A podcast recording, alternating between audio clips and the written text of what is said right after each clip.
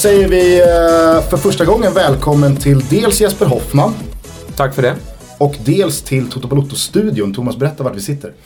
Nej, vi sitter i våran studio som vi håller på och bygger. Nu förväntar sig folk att det ska vara krispigt ljud.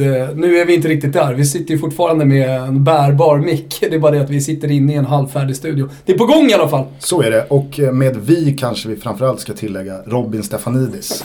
Det är hans bygge det här. Vi har mest Jag eh, hörde... Jag hörde dammsugit lite. ja, dammsugit. Men jag hörde att du var med och satte upp gipsskivorna i taket också. Ja. Igår. Det gjorde jag. Att det är lite svettigt jobb. Ja. Nej, jag har fått en Bra ny- att du får röra lite Jag har fått det en också. ny respekt för liksom hantverkare och byggbranschen. Jag har inte kommit så nära den branschen förut. Nej. Men det är otroligt att man kan Vilken göra bransch såna här har du kommit nära? Nej, men som mediabranschen till exempel tror jag många står utanför och inte riktigt fattar hur det går till. Där är man ju mer eh, van än i sådana här sammanhang. Vänta bara till Hoffman börjar prata om pensionsfonder och grejer. Då Exakt. kommer du få respekt för den, den branschen också. Det där är ju här bitar ni måste börja ta tag i. Jag vet ju att det, det, det går ju bra för er men ni måste ju tänka ett steg längre hela tiden. Ja, annars så känns det som att eh, sportmedievärlden kanske är lite på väg mot fotbollsvärlden också. Att man, man blåser alla pengar och sen så står man där helt black, alla David James. Snart kommer Neymar-pengarna rinna ner på er också, det, det vet man ju. Kanske. Vad tycker du om studion?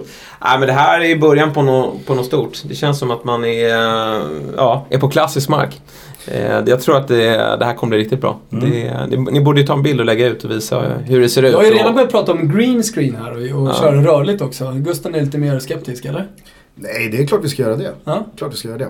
Men nu så ska vi prata framförallt Premier League. Eh, för er som känner igen Jesper Hoffmans röst så är den från kanske framförallt 08 Fotboll där du har varit med i, det är väl snart 10 år. Ja, 2007 var första programmet. Satt jag där som 22-åring faktiskt och fick chansen. Eh, Men nu blir det mindre av den varan, men eh, jag gör lite gästinhopp ibland och det är alltid lika kul. Sen så är du ju en av fyra röster i den nya stjärnan på poddhimlen 352. Ja, nej men eh, det stämmer. Den allsvenska podden. Vi... Jag kan ju inte säga att vi, vi flåsar i nacken, ni, ni är en bra bit före. Men sen så, vi konkurrerar inte om samma saker. Jag vet att ni pratar väldigt mycket allsvenskt. Men ni har ett jäkla djup och en jäkla bredd. Vi, vi nördar ner oss bara i allsvenskan och och eh, ja, responsen är, är positiv. Det känns också som att du har fått ett eh, slutgiltigt erkännande som mångfacetterad och inte bara AIK-are. Ja men faktiskt, det känns lite bra. Många har svårt, eller många trodde inte att jag skulle klara av det. Med tanke på att jag är, har en tydlig AIK-stämpel och är, en, är fortsatt lika mycket AIK även fast jag pratar mycket Allsvenskan. Och hur ska jag kunna se nyktert på, på hur Djurgården och Hammarby spelar? Men jag, jag har alltid varit ganska kritisk mot, mot det mesta. Eh, och det gör att jag Ja, jag tycker att jag kan analysera om det är en bra eller dålig in, insats oavsett om det är AIK, Djurgården eller Hammarby. Ska jag bara då kort plocka upp på AIK-temat, vi ska inte fastna i det. Men vi pratade i förra avsnittet om det här uttåget mot Braga. Mm. Hur högt håller du det som en supportermässig örfil? Nej, det var en riktig jävla käftsmäll. Det var... Nej, det var... Jag kunde inte sova den natten. Det var bland det värsta man har upplevt på, på mycket länge. För där kändes det som att vi har ju haft en, en tuff säsong. Alltså vårsäsongen har ju varit eh, kämpig. Vi har ju fått eh, liksom kämpa för att hänga oss kvar i toppen. Och Europaspelet kändes väl som en, en liten bonus när det kom. Men sen så föll lotten på Braga och man var inte särskilt optimistisk med tanke på att eh, ja, Stefanelli har ju, han såg ju bra ut på Norrköping men var väl inte riktigt redo kanske att, att, eh, att leverera på en gång. Och, och Basi slängdes in bara några dagar innan så anslöt han till truppen. Så man, man var inte särskilt hoppfull. Men sen så ju matchen utspelat sig. Framförallt efter första mötet på Friends. Ja men verkligen. Alltså där fick man ju förhoppningen att fan, här kan vi ju göra det bra. Men 1-1 är alltid ett tufft resultat eh, att släppa in ett, ett, ett hemmamål. Men sen då hur, hur, hur matchen utspelar sig. Alltså det är AIKs bästa insats på jag vet inte hur länge. Och eh, det här är ju en match som ska sluta 1-0 till AIK. Eh, Det är ju bara så. Och sen är det ju... Mm. Ja, det är ju en, alltså, jag vet att det har ju varit mycket diskussion kring, kring Linnér och behandlingen av Linnér som är usel. Men, men ingripandet är ju uselt, det får vi inte komma ifrån. Att man måste kunna kritisera det. Eh, och eh, hela hans säsong har ju varit väldigt svaj. Så att eh, när man bedömer AIK så insats så är det ju som så att det är 11 spelare på plan och 10 gör det riktigt bra. Men, men Linnér är, är svag i den här matchen och det, det straffar oss. Det var ju bara sekunder bort, men vi pratade om det också senast. Att visst måste det då ha varit i sådana fall AIKs första straffläggning i Mm. internationellt eh, spel. Ja, internationellt definitivt. Jag minns Eller kanske gammal- till och med svenska Nej, jag minns en cupfinal mot, eh, eller om det är en semi... Nej, en cupfinal mot Elfsborg i. Jönköping.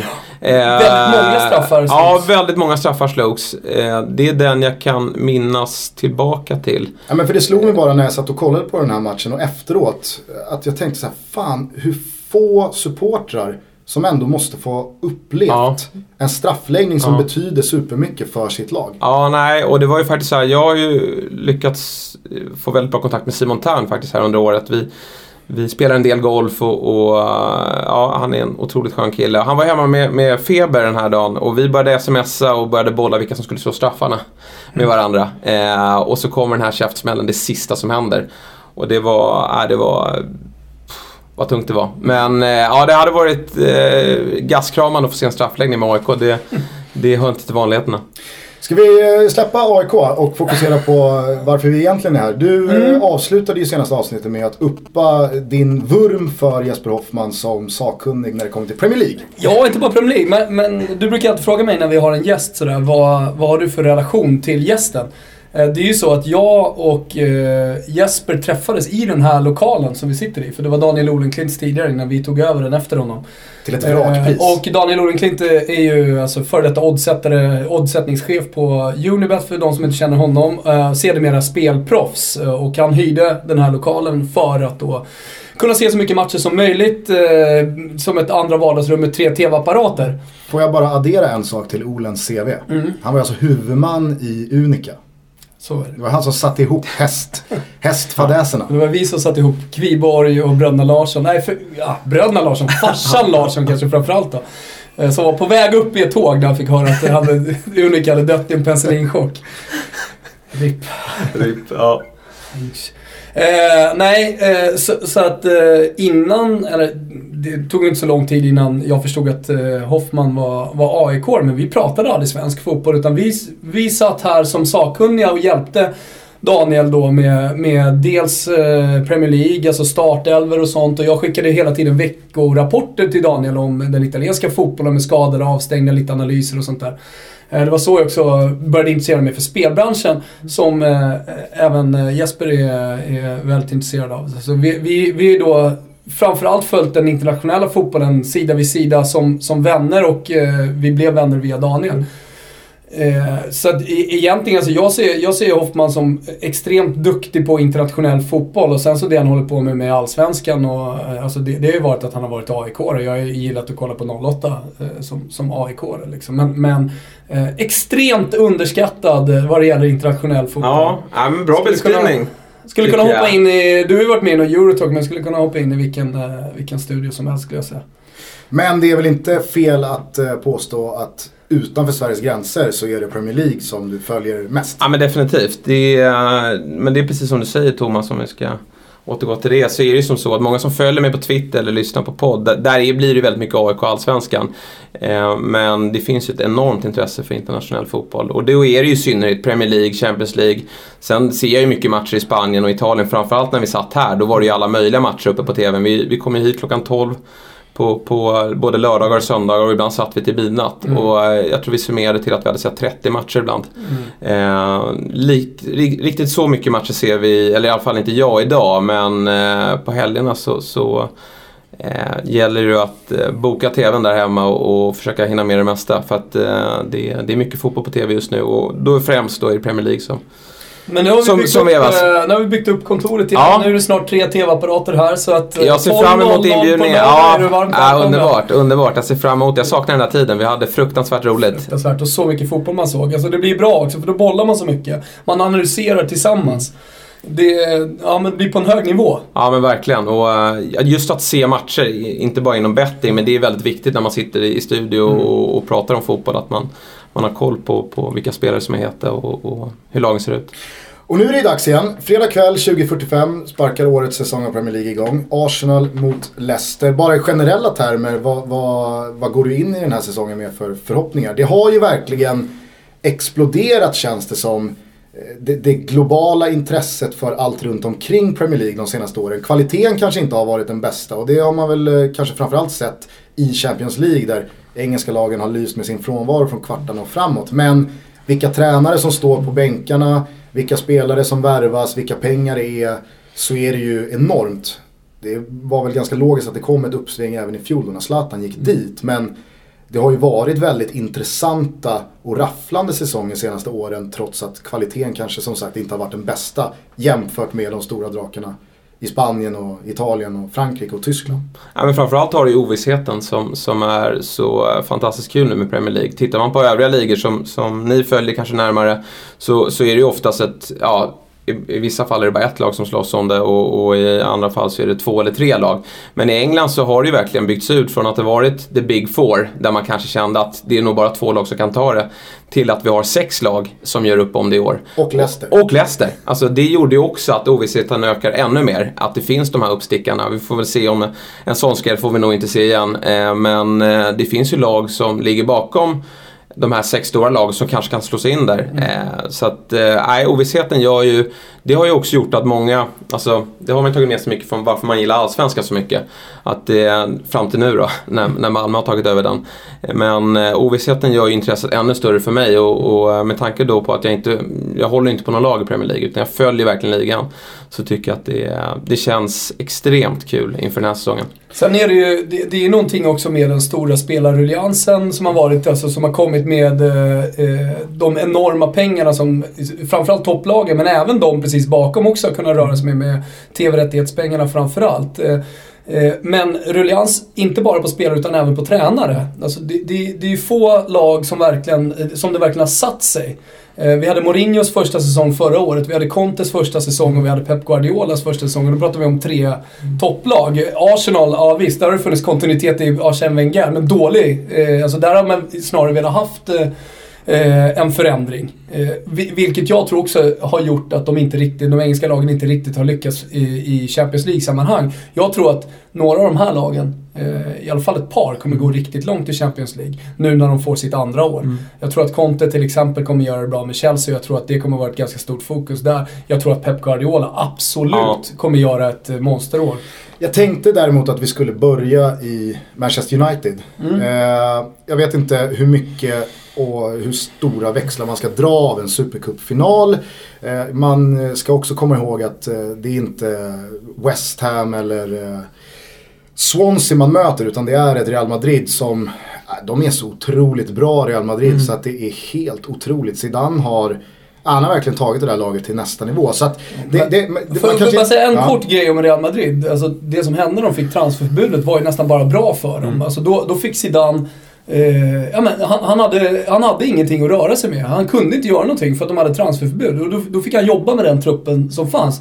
Och det funkade. Och man vann sin andra Champions League-titel i rad. Och sen i år, vad har de gjort då egentligen? Nästan ingenting. Utan, utan det är ju den här kontinuiteten hela tiden som jag tror är betydligt viktigare än att hela tiden rulla på nya spelare och, och nya tränare. Bara då att komma tillbaka till United så tyckte jag i alla fall att den här klasskillnaden de här två lagen emellan var ganska påtaglig. Och som sagt, det är en supercupfinal i Makedonien. Det saknas några spelare i båda lagen. Det kanske inte är jätteviktigt att vinna utan fokus ligger på ligapremiären och sådär. Men det jag tyckte mig se i det här Manchester United är ju att de känns ju långt ifrån färdiga. De känns långt ifrån där man trodde att Mourinhos lag skulle vara efter ett drygt kalenderår. Även speciellt med tanke på avslutningen i fjol också. Alltså, anledningen till att United inte kom topp 4 det berodde inte på våren. Alltså, man hade en riktigt tung start. Men, men ser man från jag tror, november, december och framåt så är det inte många förluster. Så att eh, man trodde väl att United, man tror väl att United ska vara längre fram än vad man kanske är. Men samtidigt svårt att sätta en värdemätare när man möter Real Madrid i en sån här typ av match. Och jag tror ändå att mycket av fokus ligger också till helgen. Det är klart att det hade varit fint att få att tvåla dit världens bästa lag, men jag tror ändå att det för... Lite generalrep inför Ja, men lite så. Jag tror att det är viktigare att man, man håller sig fräscha till, till helgen. För jag tror ligan kommer vara... Det var jätteviktigt att man gick till Champions League via Europa League. Men jag och tror det ändå... var ju också en sån grej som jag i alla fall vägde in. Av, sista tre månaderna på Uniteds säsong i fjol var ju så svårbedömda för att ja. det var sån uppenbar prio på Europa League. Att man tog nästan ligan med vänsterhanden. Då ja, kommer det ju dåliga resultat av sig självt. Mm. Men det blir svårt att veta vad de resultaten och vad det indikerar på till nu. Ja men så är det verkligen. Så att, eh, jag, jag, tror för United i år, det har väl Mourinho sagt också, att vi är ju inte där att vi kan... Vi kommer inte kunna nosa på en semifinalplats i Champions League utan nu, nu får den här truppen känna på Europaspel, på, mm.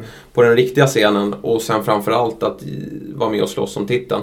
Och det är frågan om man är, om man är där också. Alltså jag tror att man snarare liksom slåss om den här tredje, fjärde platsen än att man utmanar City eller Chelsea om, om eh, ligatiteln. Det är inte bara Mourinhos andra år i United, det är ju dessutom Paul Pogbas andra år. Vad, vad är er känsla kring miljardmannen? Ja men framförallt att den här miljarden, eh, vi pratade om det lite innan, men framförallt att den här miljarden eh, den tynger honom inte lika mycket nu för tiden. För det, det, var ju, det var ju en stor snackis under hösten när han inledde svagt Paul Pogba. Sen tycker jag att han, han blir bättre och bättre. Man ska komma ihåg att han spelar i ett dåligt Manchester United. I alla fall ett dåligt fungerande och spelande Manchester United under stora delar av säsongen.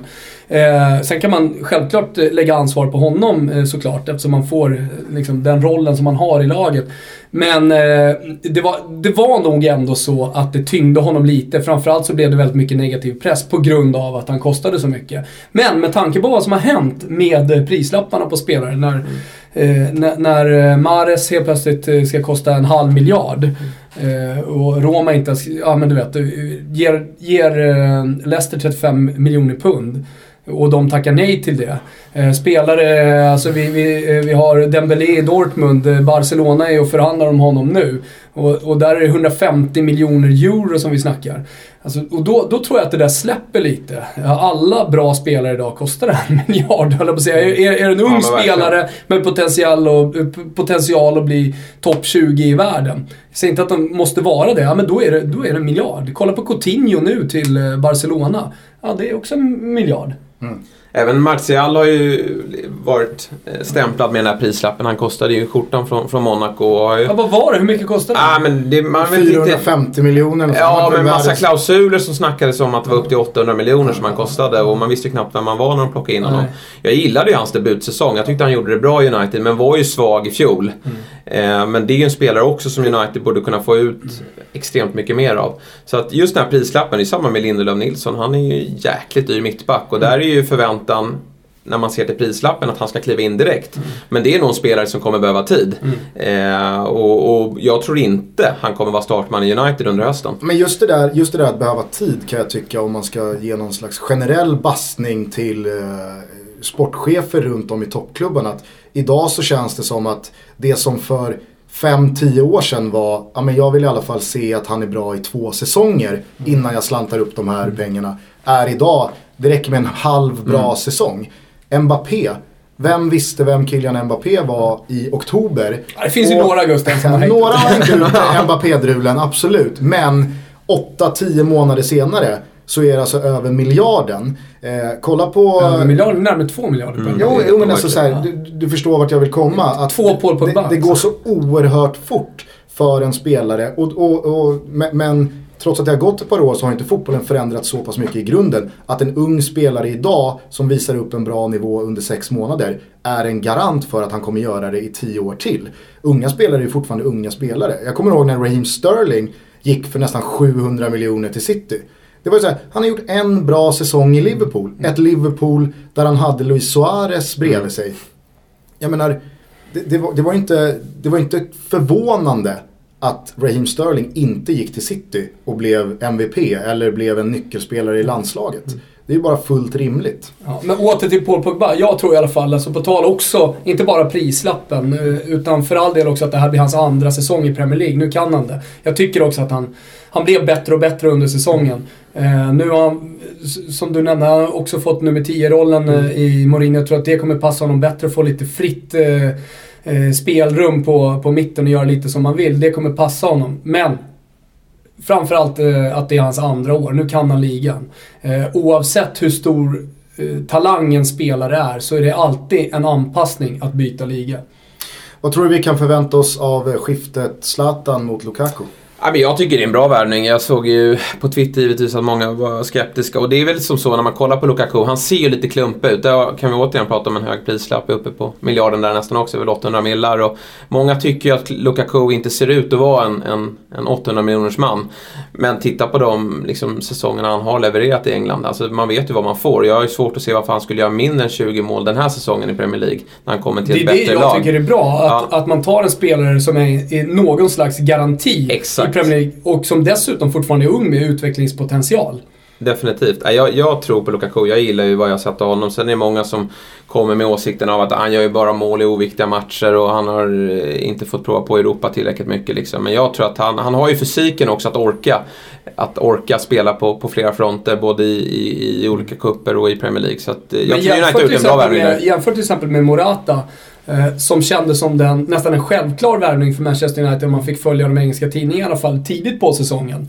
Eh, där har du en spelare som du absolut inte vet vad du får. Det är möjligt att han har en högre högsta nivå och att han på sikt kommer att bli bättre än Lukaku. Jag har ingen aning. Eh, men jag känner inte att du får en garanti på 20 mål från Morata, men det känner jag på Lukaku. Ja, men det tror jag definitivt. Sen behöver ju omgivningen steppa upp, liksom, som vi var inne på. Martial måste ta ett kliv. Ja. Mkhitaryan kräver vi mycket mer av. Framförallt mycket högre lägstanivå. Mycket högre lägstanivå på honom. Och, och Pogba då i 10-rollen måste också kliva fram. Sen var vi inne på Pogba. Han hade ju en del oflyt i fjol också. Alltså jag vet inte hur många virkträffar han hade. Alltså, han har åtta stycken Ja, helt eh, overkligt. virket. och det är ett par riktiga hästskott som sitter i virket också. Sätter han dem, då är det helt andra tongångar. Och självförtroende för och hans del självförtroende. också. Ja, och jag tror För de satte han ju i Juve. Ja, precis. Och jag tror att det betyder mycket för honom att 5 plus-gubben Matic är bakom. Eh, nu nickar Gusten nöjt här, men jag tror att det är en, det är en riktigt bra värvning. Och, och på tal om, på tal om att se matcher. honom till, ja, eh, verkligen. United. En direkt konkurrens. ja. Och sen, eh, Mata är ju fin också. Alltså, det, det finns fortfarande mer att ge från, från Mata och han gör fortfarande väldigt Sjuka bra fotbollsmatcher. är att han är ju inte så gammal. Nej. Så han, dels ser han äldre ut han beter sig äldre. höll jag på säga. Ja, men men, hur gammal är han? Han är, Han är 88. 88. Ja. Ja. det ser jag. Han har inte ens fyllt 30. Nej. Så det är ju, där finns det potential också. Och Ja, Rashford. Och vi, eh, har, vi har dessutom inte nämnt Ander Herrera. Nej. Men det sjukaste med den här United-truppen det är att alla de här spelarna vi räknar upp. Vi kan räkna upp fem till om vi vill, men Jesse Lingard kommer ändå starta. Ja, alltså, jag jag vet inte hur många spelare United ska behöva värva innan Jesse Lingard inte är en man för startelvan. Ja, det är otroligt. Jag, jag skulle bara vilja tillägga på Lukaku där att en, en dimension till spelet som jag tyckte United verkligen saknade i fjol men också åren innan. Det är ju att mycket kan man säga om Zlatan och Wayne Rooney. Men några djupledshot är det ju inte. Verkligen. Eh, de matcherna jag tyckte United såg som mest ut som Mourinho-lag. Det var ju när Rashford spelade centralt och kunde gå iväg i djupled i Mourinhos patenterade omställningsspel. Där tror jag Lukaku kommer verkligen lyfta United.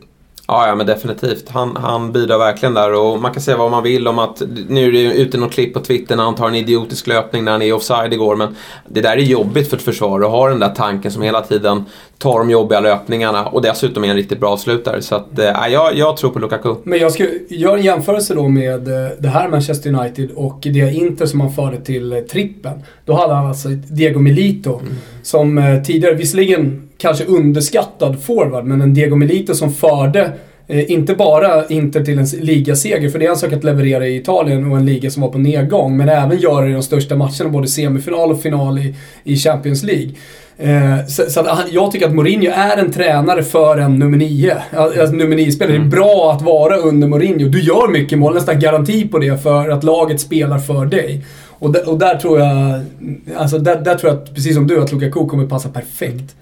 Eh, Sen så- får vi inte glömma heller att United har seriens bästa målvakt i eh, de Gea.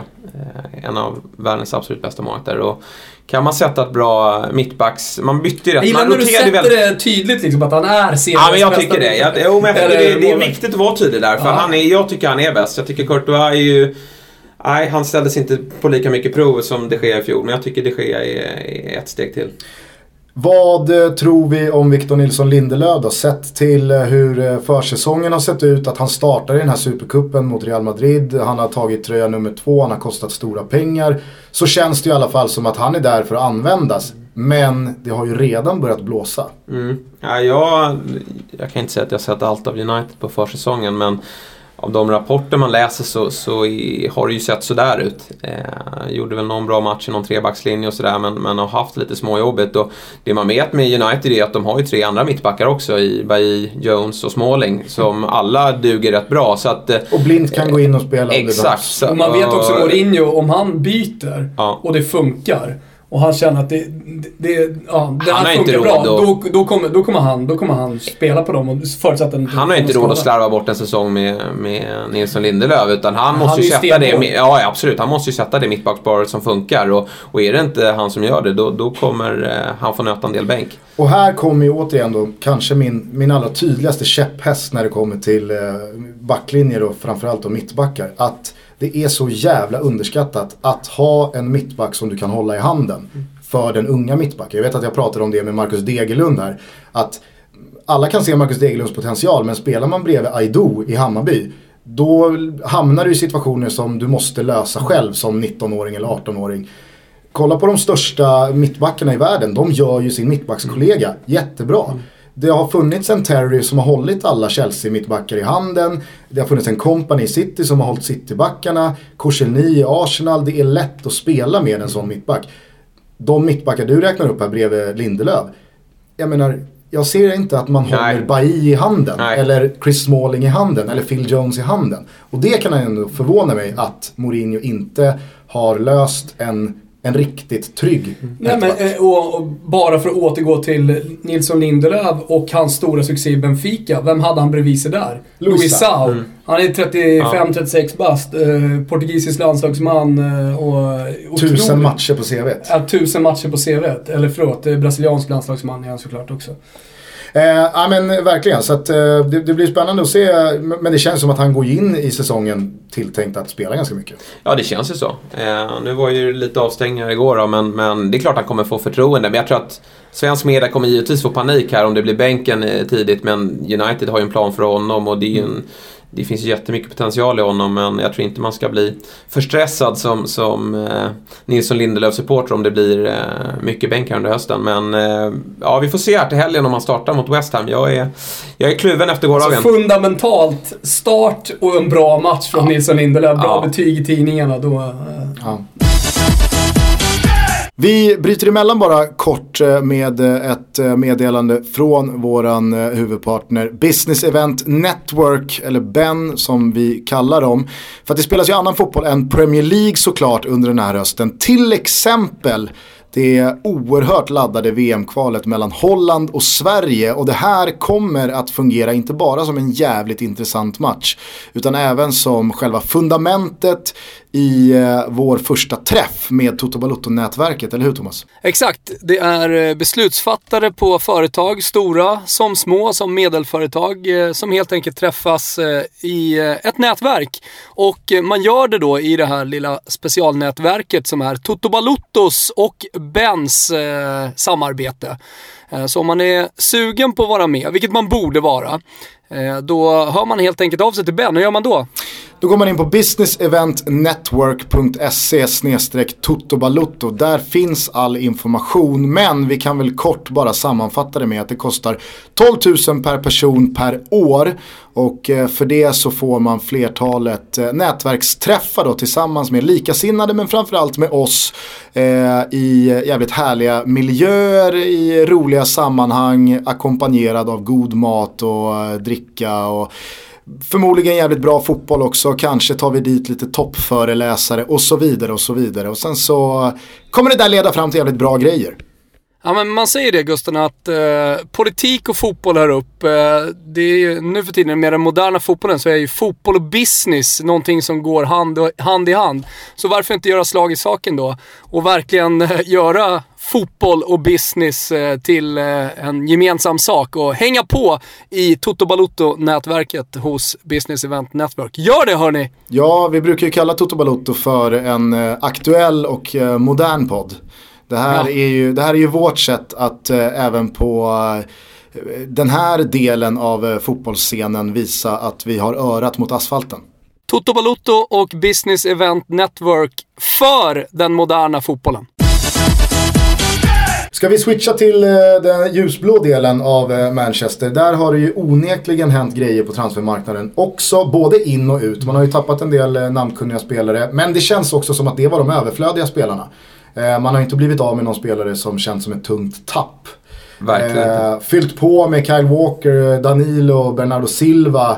Eh, känns... Mendy. eh, Mendy känns superspännande. Men det kommer lite i, Ja, i ja, skymundan, alltså. lite som hela Citys Ja. transfermarknad. Spenderade mest i fjol, har spelat, spenderat mest i år. Mm. Många pratar om Milan och deras två miljarder som man, har, som man har lagt ut på nya spelare. Alltså Manchester City är återigen där och toppar. Mm.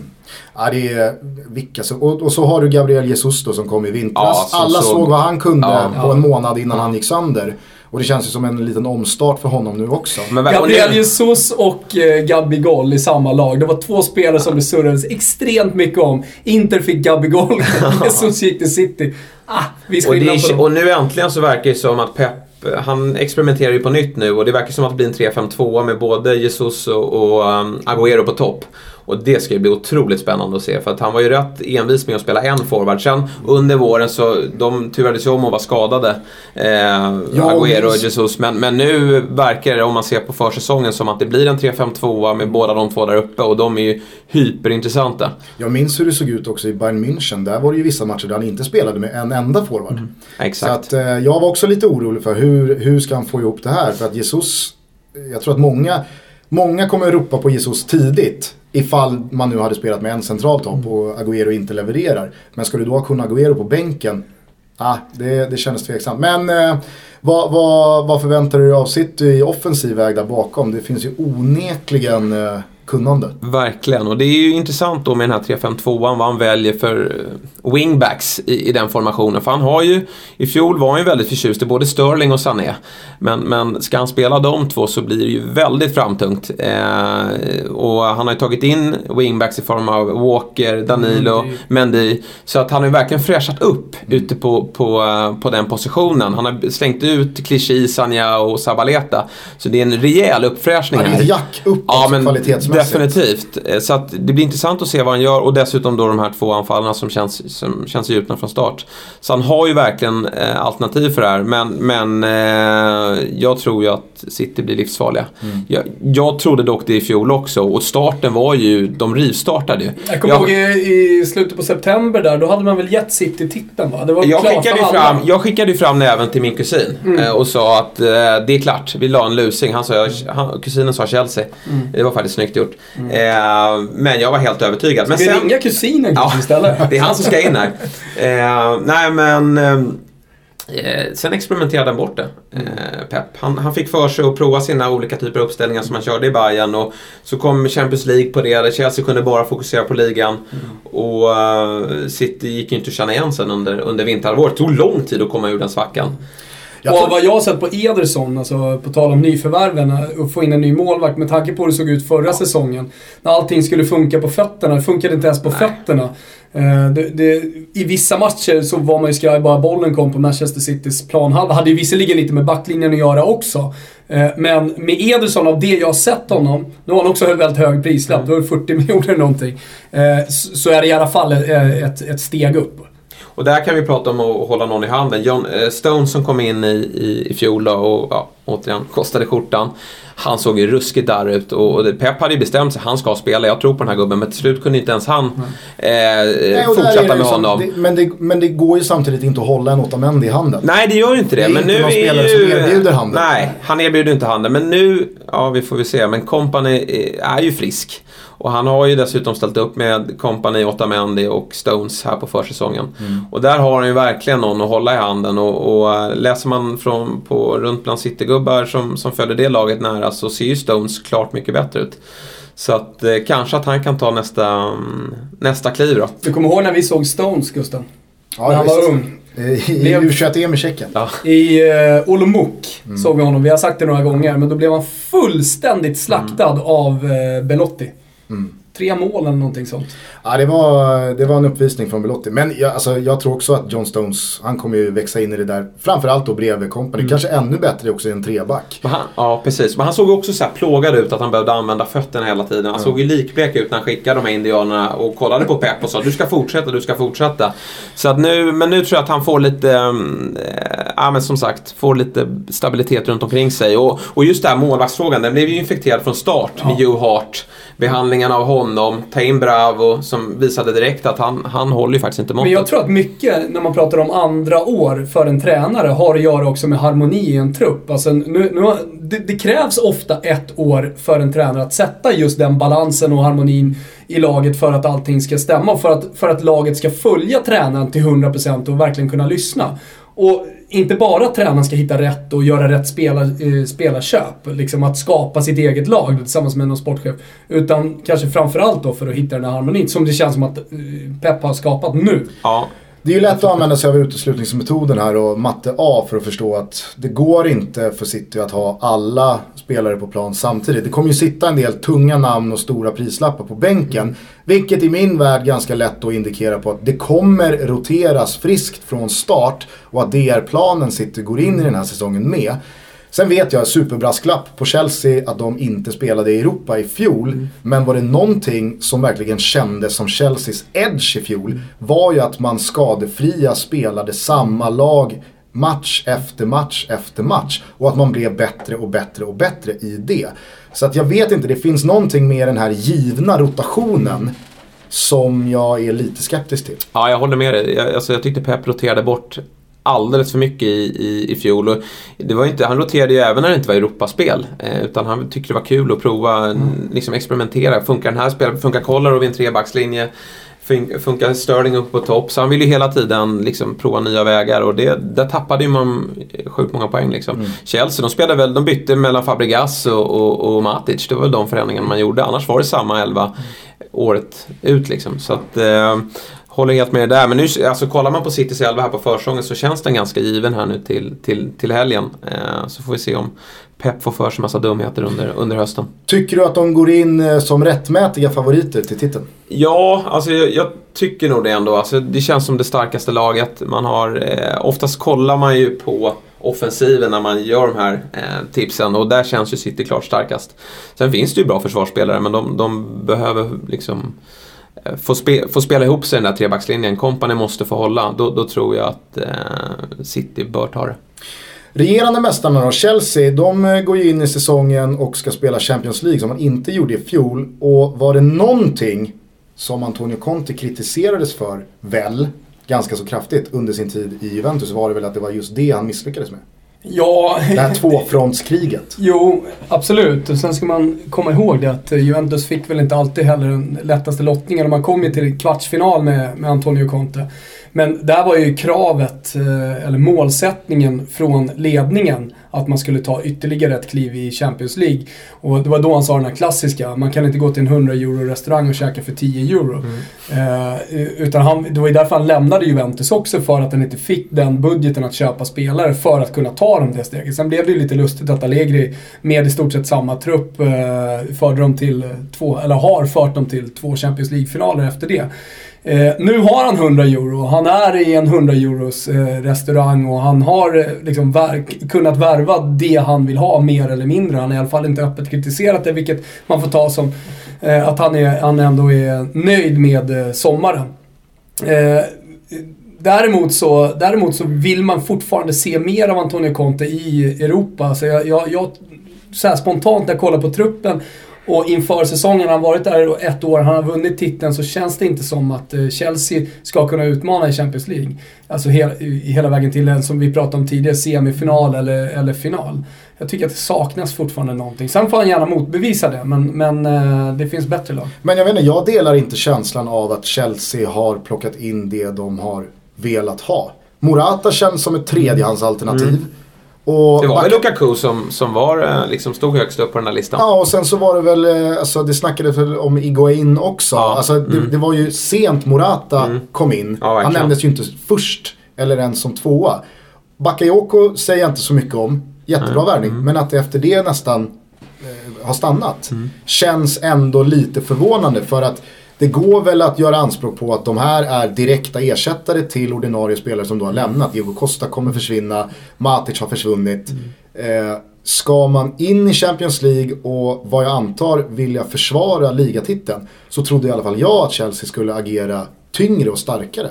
Ja, men jag håller helt med. Jag tycker också att det ser lite, det ser lite klent ut nu när man ska slåss på, på flera olika fronter. Och man börjar ju året med Hazard bort, borta också. Han har ju varit skadad i, under hela sommaren så han lär ju ha en viss startsträcka innan han är igång. Bra, och, och levererar. behålla honom, det är ingen som Ja, nej men exakt. Det är väl fördelen för dem då. Och sen som sagt Morata, man vet ju inte riktigt vad, vad han står. Alltså nu, han, nu får han leva med oket att han är första anfallare. Det är han som ska göra målen och det har han ju inte haft Första tidigare. gången i hans Första karriär. gången i hans karriär. Och, det, och han ersätter ju Diego, Diego Costa som eh, var ju... En garanti. Ja, han var ju garanti och han var ju brutalt bra i, i, i Contes Chelsea. Alltså, man får inte glömma hur, hur, hur viktig han var i spelet och vilket as han ändå är. Och, och när ett lag är i medvind så är han ju fantastiskt skönt att ha med på skutan. Så att eh, där, eh, det är ett stort frågetecken. Jag fattar inte riktigt varför det har spruckit där. Inte jag heller. Det måste vara det här med snacket. Han gick ju ut och var lite klumpig där i januari.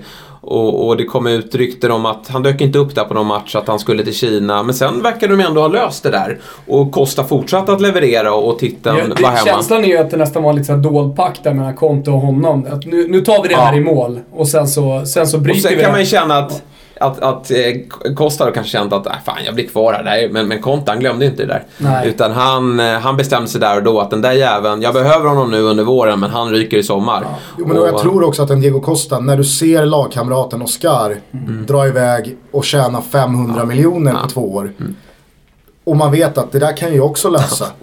Så, ja, ja, ja, ja. Men att det skulle hänga i, det känns, det känns onödigt. För att Diego Costa och Chelsea och Conte känns som en tre match made in heaven. Mm. Ja men verkligen. Framförallt så får man en helt annan typ av anfallare. Mm. Alltså inte bara som människa så är Morata betydligt mer ödmjuk.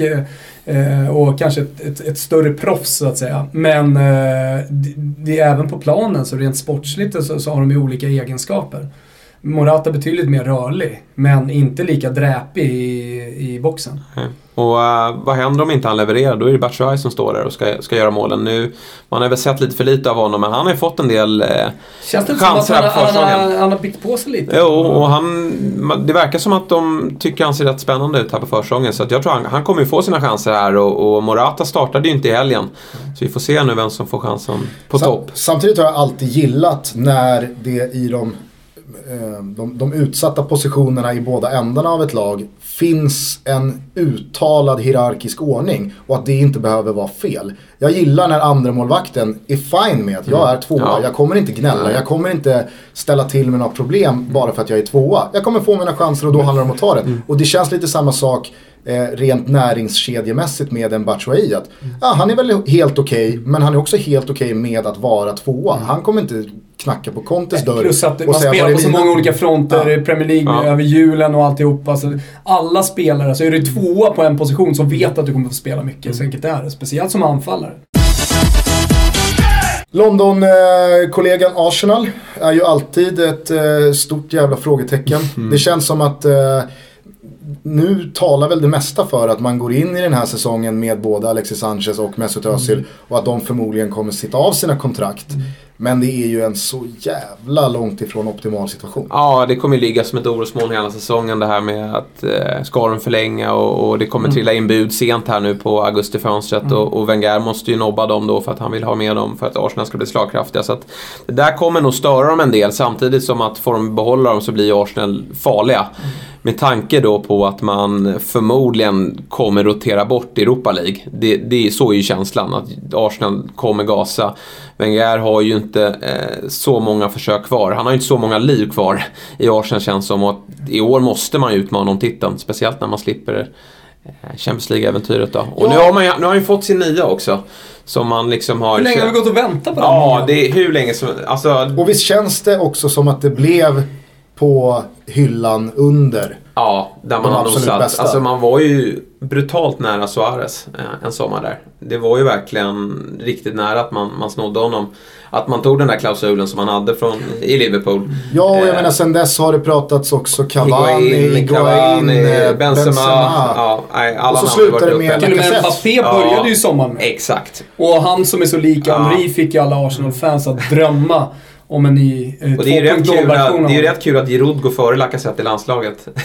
och, och nu har man sprängt banken för att, att få in Lacazette. Samtidigt så, att, så, är det ju ett, ett uppköp från det man har. Jag menar Welbeck, Giroud och Iwobi. Mm. Det är inte nio. Det, det, bästa Arsenal hade längst fram i fjol det var ju Alexis Sanchez ja. mm. som nia. Så att det är väl klart att man, man har förstärkt men det känns fortfarande inte som att man ens är i närheten av kvalitet Men på pappret. Jag, ty jag tycker ändå att bara då döma en match eh, i Community Shield-matchen, alltså första 20 minuterna när Lacazette hade en rygg ifrån att eller sätta den. Och sen också just där, han får bollen i straffområdet, vänder upp och han har tillslaget. Alltså han, han är så jävla bra i boxen.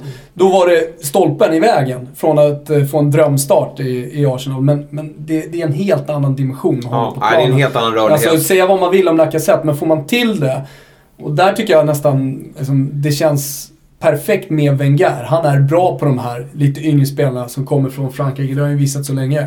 Eh, så kan han absolut bli en 25-målsskytt och vara det, det som Arsenal har saknat. Och han kommer ju få förtroendet. Alltså det här är ju Wengers stora ja. värvning och, och Giroud har ju visat att han har accepterat att sitta på bänken. Han satt ju mycket bänk i fjol och han kommer ju få sina chanser i Europa League. Så att det, Lacazette kommer ju vara alternativet i Premier League. Så att, eh, och när han får in Özil och Sanchez bakom sig, han kommer ju få sina chanser. Ja, ja. Så det gäller ju bara att hugga för honom.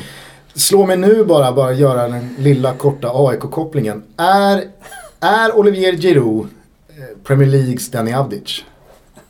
Nej, eh, Giroud är bättre alltså. alltså, det är alltså, jag, är bättre, jag, men förstår du i rollen som att Giroud kanske har insett själv att ja, det är kanske. nog inte så Nej. dumt att Nej, vara tvåa eh, i London, Nej. jag tjänar bra. Jag, han kan ju inte ta ett sportsligt steg Nej, det kan, Nej, det kan han inte. Göra. Nej, nej, men på så sätt så är de väl lika. Eh, sen är han och mer... också acceptera bänken, för ja. det har ju verkligen... Ja, ja verkligen. Helnöjda. Så att, eh, ja, men det är en bra, se, det är bra jämförelse. Jag har svårt att se Giroud gå in och testa som defensiv mittfältare. Ja, nej, det... jag, jag, tror inte han är... Han, han är inte mittback på träningarna. Nej. Det, det har jag svårt att se. Ja, verkligen. Men jag tror verkligen du är inne på någonting som i maj kändes som ett eh, superdråpslag och någon slags bottennotering för Wenger i Arsenal att man missar Champions League. Så känns det som att det kan vara den positiva nyckeln till att det om det nu ska kunna bli någon toppstrid i ligan så tror jag att det är en riktig nyckelfaktor. Att man ställer ut B-laget i Europa League och det får gå som det går. Du kommer ha ett fräscht eh, första lag till ligamatcherna i 38 omgångar. Och det är klart att det kommer räcka jävligt långt mot toppkonkurrenterna när de måste börja rotera. Ja. Så att, eh, och jag tror att, det är en spännande alltså, faktor. Alltså såg man på Mourinho, han spelade ändå ganska bra lag i Europa League. Men jag tror att Wenger kommer göra lite som han gör i ligacupen. Där skickar han ut verkligen B-laget.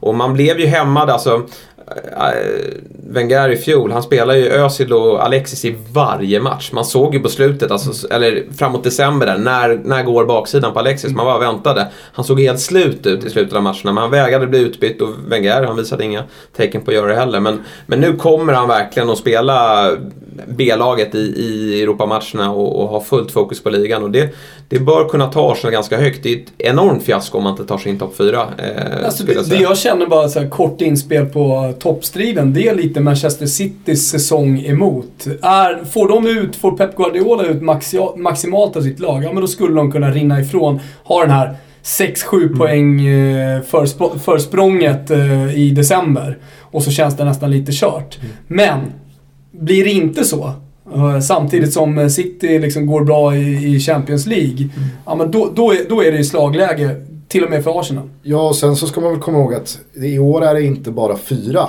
Champions League-lag från England, utan det är fem. Mm. Så att eh, det är alla toppkonkurrenter kommer ju pria Champions League. Ja, och Arsenal behöver inte göra det.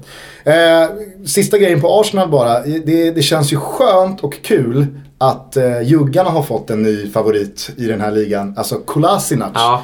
Vilken jävla härlig bekantskap. Ja, Vilken superjugge. Jag fick från min, eh, min goda Arsenal-vän, han sa att det är nya Ivanovic. Ja, ja men alltså fast... Det är, jag tror det är en bra jämförelse. Ja, eh, fast med guldlänk. Ja. Verkligen. Nej, men han kommer ju... Han kommer ju tugga på där ute till vänster. Eh, och eh, kommer ju in, jag är väldigt förvånad att han inte fick starta i, i um, Community Shield. Men, men eh, jag tror att det är ett riktigt bra nyförvärv och Bale in på, på andra kanten. Så där, där har de ju bra wingbacks. Det är ju spännande nu med Arsenal med nya systemet. Wenger släppte sin um, 4-3-3 där eh, och, och, har gått över till det här och det, det kan nog bli ganska bra om man får, får de bitarna på plats. Mm. Tottenham har ju kanske stått i mina ögon för det mest förvånande transferfönstret. Mm. De har inte plockat in en enda gubbe. Nej. Jag, jag fattar faktiskt inte vad grejen är där. Många vill ju plussa Tottenham för att åh, de har ju faktiskt behållit Harry Kane Mm. och Dele Alli. Jag har känt så här. Är det någon av dem som ens vill lämna Tottenham? Jag tror inte det. Mm. Dele Alli, jag menar, han vet ju att jag är nyckelspelare i ett absolut topplag i min hemstad. Jag ska ingenstans. Harry Kane, ja visst, det, det är väl klart att han kanske om någon eller två ytterligare titellösa säsonger känner att det vore ju kanske kul faktiskt att lyfta en buckla i karriären. Men jag tror att han, han, han vill väl stanna i Tottenham också. Om, om, du tar dem, om du tar de två bara som nyckelspelare och offensivt för, för Tottenham. Jag ställer mig bara skeptisk till att man har plussat Tottenham så jävla mycket Ah, ja. för att man har lyckats Ja men vi kommer dit. dem. Men, men om, om du tar de två och kollar på deras senaste säsong. Fantastiska, eller hur? Mm. Hur ska de kunna överträffa det? Alltså hur ska Tottenham kunna bli bättre? Nej. Ja, det är en måste bra ju- fråga. Speciellt alltså det stora För jag menar, för, där. Det är ju var ju fantastisk. Ja. Harry Kane gjorde 30 Ja. mål. Han kan ju inte toppa det. Han Nej. kan ju möjligtvis Ja. då komma nära det. ja. Och det gick ju inte att slå Tottenham på White Hart Lane. Problemet i år är att man inte spelar där. Nej. Att man ska över till Wembley tror jag är... Där har vi det stora frågetecknet för, för, för Spurs den här säsongen. Ja, Ja, men precis som Thomas säger, alltså, fjolårets Tottenham Ja. maxade ju. ja verkligen. Det var ju, Definitivt. det var ju ja. en bättre motståndare emot att det blev ligaguld. Får man ju vara ärlig och säga. Ja, ja, Och definitivt. alltså, inte för att ta någonting från Tottenham. Men också konkurrenter som under, underpresterade utifrån det mat- spelmaterialet de hade. Och för att återigen då återgå till det här att det är andra året nu för, för eh, Pep Guardiola, andra året för Mourinho och så vidare. Mm. Nej, jag Bättre håller med. Det är, nej, jag. men, och jag tycker det är konstigt att man inte breddar heller. Alltså, vad händer med Kane om han går sönder? Och, och, jag menar, det finns inget alternativ. Han, han kommer ju behöva spela 90 minuter överallt. Mm. Eh, och, och det, han har ju visat att han grejer det. Alltså, han, han har ju verkligen levererat. Men kommer det skador och annat då, då känns Spurs jäkligt tunna framåt. Alltså Jansen Nej, han var, nej, han var iskall. Eh, och jag, det förvånar mig att... Är han kvar eller? Mm, ja, han är kvar. Det är, ju- och det förvånar mig för att han, han imponerade inte ett dugg. Nej, och jag menar visst, pengarna kom ju in också från Kyle Walker. Så att Definitivt. Ja, jag tycker också att Trippier är bra. Ja. Och, och det finns en Wimner där. Men herregud, det måste ju till bredd. Lamela gick ju skadad stora delar av förra säsongen. Eh, jag menar, Dembele är också en skadebenägen spelare. Och eh, alltså på tal om vad händer när en sån spelare går sönder? Vad händer när en, en Christian Eriksen går sönder? Alltså det, det är ju spelare som, ska man slåss om ligatiteln och Champions League, de måste ha avlastning. Ja, ja verkligen. Måste ha avlastning. Och alltså Eriksen och Delali, där snackar vi om att få ut max. Alltså, har de en nivå till? Det, det är svårt att se. Snarare kanske att de faller tillbaka lite, framförallt Eriksen. Och då, då tror jag att Spurs tappar rätt mycket i, i kreativitet. Och då om man får tro, det behöver inte vara så, men att konkurrenterna har blivit bättre också. Ja, I definitivt. en kombination. Det, den kanske mest populära klubben i det här landet då? Liverpool. Alltså, det är fan imponerande hur många som eh, alltså ändå Nu får vi vakta våra tungor. Nej, men jag tycker Ja. att det är... Alltså, Ja, nu när du pratar Liverpool. Ja, Liverpool är livsfarligt. Ja, verkligen. Ja. Och det är ju det jag vill komma till. Alltså, jag fascineras varje gång över vilken jävla centralpunkt den klubben är för så många fotbollsintresserade svenskar. Ja, det är, det är osannolikt. Och, eh, Är det Carlsberg-reklamen som har gjort det? På men de att- röda tröjorna? Ja, jag men att det också går i arv. Ja. Det är ju väldigt, alltså det, det, det måste ju vara världens mest normala sak att en generation fastnar för ett väldigt framgångsrikt lag. Mm. Och att deras barn, alltså att långt ifrån 80-90% hänger med. Utan man då kanske fastnar för ett annat lag som är väldigt framgångsrika under sin barndom och under sina ungdomsår. Men med Liverpool, det känns som att så Man här, brukar ju... Ja. du får efternamnet och Liverpool. Ja, det är verkligen Alltså så. de Liverpool-supportrar som jag känner, där är det verkligen så. Deras barn, de är die hard Liverpool från, från födseln. Man brukar ju prata om att London är, vadå, typ så här, Sveriges tredje, eller fjärde största stad. För att det bor så mycket svenskar i, i London. Vad är Liverpool då? Är det Sveriges... Eh, Det är Sveriges populäraste klubb. Ja, det är Sveriges det. populäraste Ja, klubb, oav, ja, alltså, inklusive de allsvenska lagen. Ja, men det känns så. Så är känslan. Men eh, ja, men det är fascinerande. Och sen är det också så här, många Liverpool-supportrar man pratar med. Har du varit där? Nej, aldrig. Man åker ju sällan till Men Liverpool. de har tatueringen. Ja, de har tatueringen. Den är given. Så, Lars Ohly. Det är ja. samma, alltså Liverpools motsvarighet i Sverige, det är ju Roma. Man har tatueringen. Dit kanske man åker. Det är en tatueringskompatibel klubb, absolut. Ja. Men jag skulle nog säga att eh, det, det, är, eh, det är ju ett par klubbar framför Roma som svenskar eh, supportar. Men man kanske aldrig har varit där. Ja, jag skiter i att ha varit där. Men jag tycker att uh, jämförelsen i Italien är Roma. Ja, det är en Du tatueringskompatibel föds, klubb. du Ja, föds. ja, ja, ja. Hur många har inte tagit över eh, efter Birro-grejen att döpa sonen i Nej. fjärde mellannamn till Totti? Han, samtidigt- han heter Totti kan man säga när man kommer till Rom. Ja, i sjunde led. Hur många heter inte det där? Ja, det är...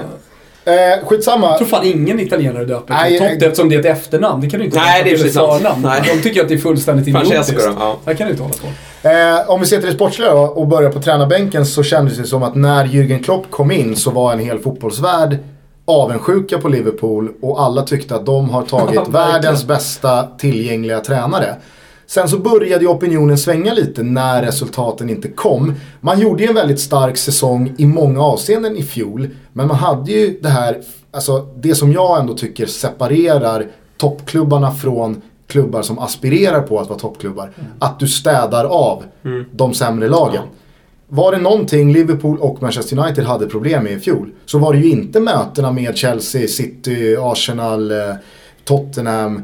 Utan det var ju att bara ta tre poäng varje dag på jobbet. Vad är din, eh, vad är din eh, känsla kring Liverpool och då Jürgen Klopp? Ja, men, Augusti eh, 2017. Det var ju extremt kittlande när han eh, kom in i Liverpool. Jag har ju haft svårt för Liverpool. Det kanske är mycket på grund av att alla svenskar ska hålla på Liverpool. Eh, Så det har jag alltid genom åren haft svårt för Liverpool. Även om man har fattat tycke för vissa spelare i, i klubben. Eh, nej, men det, man hade stora förhoppningar och jag tycker man har sett mycket bra spel från, från Liverpools sida som du säger. Alltså man blir ju förälskad i dem i toppmatcherna och för mig då som inte har något lag så är det lätt att fatta tycke för Liverpool när de, när de eh, tar sig an storlagen. men och- spelar med sin höga press och Spelmässigt var det ju inte omställningsspelet. fel Och, att sitta på målspel nej. till en Liverpool-match. Ja, men verkligen inte. Det var ju överspel både till, halv, eh, till halvtidsvila och fulltid. Så att, eh, men det är ju återigen, det är ju problemet med, med, med bottenlagen. Lågt stående försvar så har ju Liverpool stora problem och det känns inte som att Klopp riktigt har lösningen heller på det. Och han fortsätter ju nu, han har ju tagit in Salah som känns som en kanonvärvning och en riktig Klopp-spelare. Men det är också en, lite av det man har sedan tidigare. Sen är det väl bra att förstärka det man är bra på.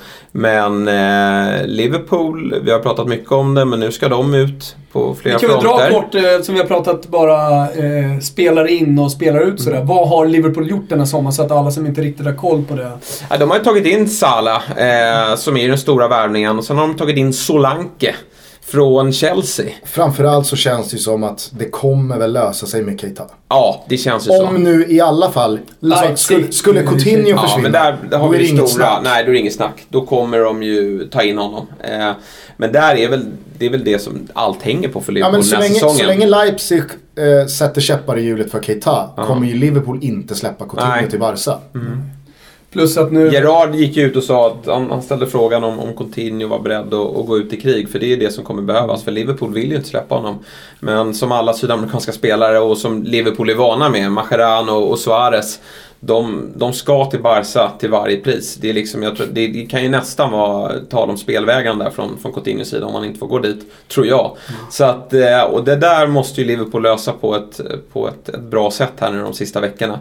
Och det är ju jäkla tungt för dem. De behöver ju inte sälja rent ekonomiskt. Pengar, det, det har ju alla eh, toppklubbarna råd eller gott om. Så att eh, det där är jobbigt för dem. För Coutinho är ju, oj vad han har klivit fram i, i Liverpool. Och det är ju en av ligans bästa spelare. Ja, och det han dessutom hittade tillsammans med Firmino och Mané. Ja. Det, det, det kommer ju också påverkas ifall en lämnar. Det är inte bara så att när du är i en sån tydlig tridente blir av med en fot så är det inte bara att stoppa in Salah och så kommer det fungera likadant. Det är ju samma sak, den som nu ska kliva in och ersätta Neymar i Barca. Det är väl klart att det inte bara är att ta Neymars plats och så funkar allting med Suarez Nej, och Messi likadant. I synnerhet inte om, om det är Paco Alcacer eller eh, Arda Turan. Nej. Helvete. Underskatta inte Paco. Såg ni Barcelonas match mot eh, Chapecoense? Nej. Alltså Paco Alcacer vill ju få igång säsongen tidigt då genom att ta straffen vid 5-0 i 90 Slår en bedrövlig straff, returen kommer rakt ut, slår hål i luften. Sen så gör han ett riktigt deppigt försök till att cykla in den då direkt efteråt när bollen sticker upp i luften. Men han, får då- inte, han får inte en klapp på axeln, ingen, alla bara vänder sig om man ser att det kommer bli ett lång säsong Det är då alla som sitter på refill på över och Ja, eller- slänger fjärrkontrollen i TV. Skräckfyllt. Men... Eh, Nej men sen har inte Liverpool gjort så mycket. Nej, de drog in, eh, tog in Andrew Robertson på, på vänsterbacken från Hull. Eh, när ehm, eh, rödhåriga ytterspringaren i Hull som, som flög Ja, ja, fram ja. där. Men Moreno var ju också så här att de, att de tackar nej Ja. till 11 miljoner pund. Ja, helt ofatt, ofattbart. Nej, det var... Nej, vi får se om det blir Milner som, som springer runt där ute eh, på vänsterbacken fortsatt här under året. Mm. Men det känns ju som att Liverpool då, med tanke på att de ska ut och spela i Europa, borde bredda truppen ytterligare. Men det har de inte riktigt gjort. Nej. Så att eh, jag tror att eh, tappar man Coutinho här sent i fönstret och givetvis kommer ersättas men det, han går ju inte att ersätta i kvalitet, kvalitetsmässigt. Man måste ju ta in flera gubbar. Men, men det, då kan det bli ganska småjobbig säsong för Liverpool tror jag. Ja. De Liverpool-supportrar som jag känner, eh, de skruvar sig lite inför säsongen. Just Ja. det du säger, att man inte har breddat truppen. Jättefint med Mohamed Salah, Mm. med tanke på vad han gjorde i Roma. Eh, och hur han skulle passa i Klopp. Alltså det är ett steg upp för Liverpool. Alltså det är en kvalitetsförbättring. Och det Men finns ju det de räcker som- inte. Och det finns ju de som pekar på att Salah gick dåligt i Chelsea. Ja. men det är inte, Det Kevin det De är. Det är inte samma spelare som har kommit tillbaka. Nej. Han har ju utvecklats. Chelsea, det är ju det är forntid. Ja, ja. Nej, men Det Det är är kul med de här spelarna. De Bruyne, Lukaku och eh, nu Salah som, Ja. som blir nobbade där och får komma tillbaka och visa vad de går för. Han tror jag kommer vara grym. Han har ju varit ruggig på försäsongen. Eh, men sen att man fortsätter hoppas på Sturridge också, det, det tycker jag är märkligt ändå. Eh, för nu är han ju skadad igen, eh, så att han missar ju förmodligen premiären. Och det, det är ju en grym spelare och han ska ju passa in i Klopp. Jag tror Klopp är väldigt förtjust i honom.